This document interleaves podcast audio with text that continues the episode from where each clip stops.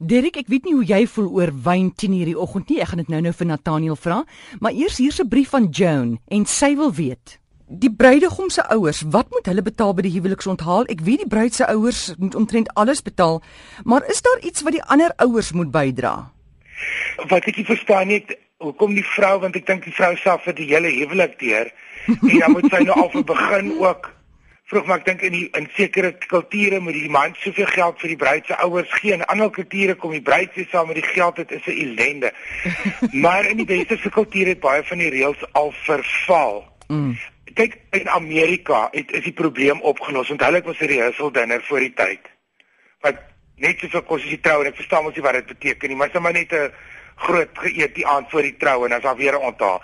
Nou daarvoor betaal die die bruidegom se ouers. Maar wat hulle sê in die algemene etiketreëls internasionaal is die bruid se ouers tradisioneel betaal nog vir die trou maar die bruidegom se ouers is sit daar om krisisse te help om gate toe te stop om handby te sit om te vra. En hulle belangrikste plig as die ouers van die bruidegom se grootste plig is om te vra waarmee help ons?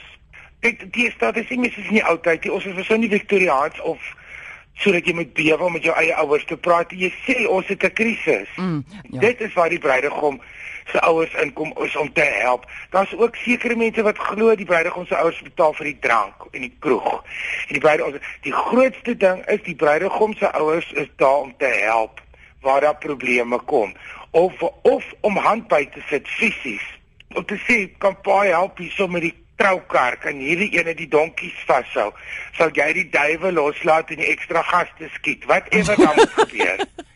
So dit is letterlik mense moet met mekaar praat. Daar is nie sulke sterk reëls nie. Die staat dra almal by. Hmm. En die belangrikste reël as jy 'n boek loop lees of iets vir die ouers van die bruidegom of van die bruid is gee jou bydrae onverwaarlik. Moenie dink om met jy net R200 bydra of vir iets gaan betaal, jy kan die kleur daarvan kies. Dit is nog steeds nie jou dag nie, dis net jou kind. Dit is die belangrikste ding om te onthou.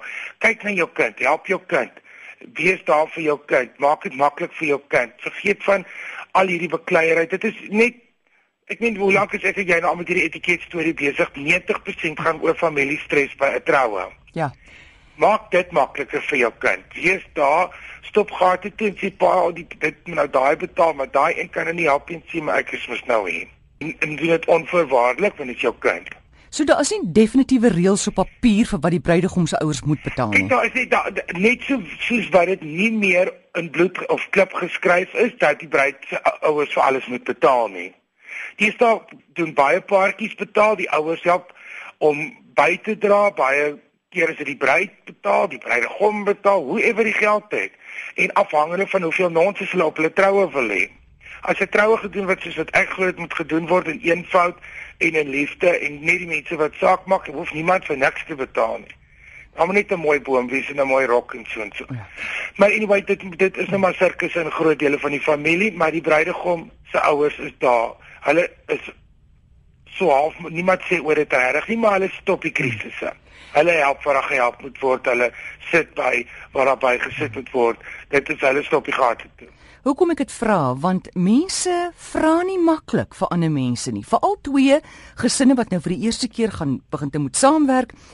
Jy weet, mense praat nie oor hierdie goed nie. Jy weet, ja, maar jy het jou kinders, as jou kind nie vir jou ouers uit nie, 'n kind vra die hele tyd waar kan ek dit kan ek 'n ja. kar kry? Ek swat nou kan ek oor see gaan kan ek dit? Vra nog oulas een ja. keer. Of sê ons het 'n probleem? Ja. of sê ons kan nie dit doen nie. Of of as jy nie direk kan vra nie dan sê jy vir jou skoonouers ons wil julle graag by die troue hê maar gee julle om om op die vloer te lê. En dan sê hulle hoekom. Dan sê wat ons het nie geld vir stoele nie. Dan sê hulle o ons dra by. Goed Rihanna wil weet of dit reg is as 'n man al 10:00 die oggend in 'n restaurant 'n glas wyn by sy ontbyt bestel, almal kyk dan vir hom en het hy 'n probleem?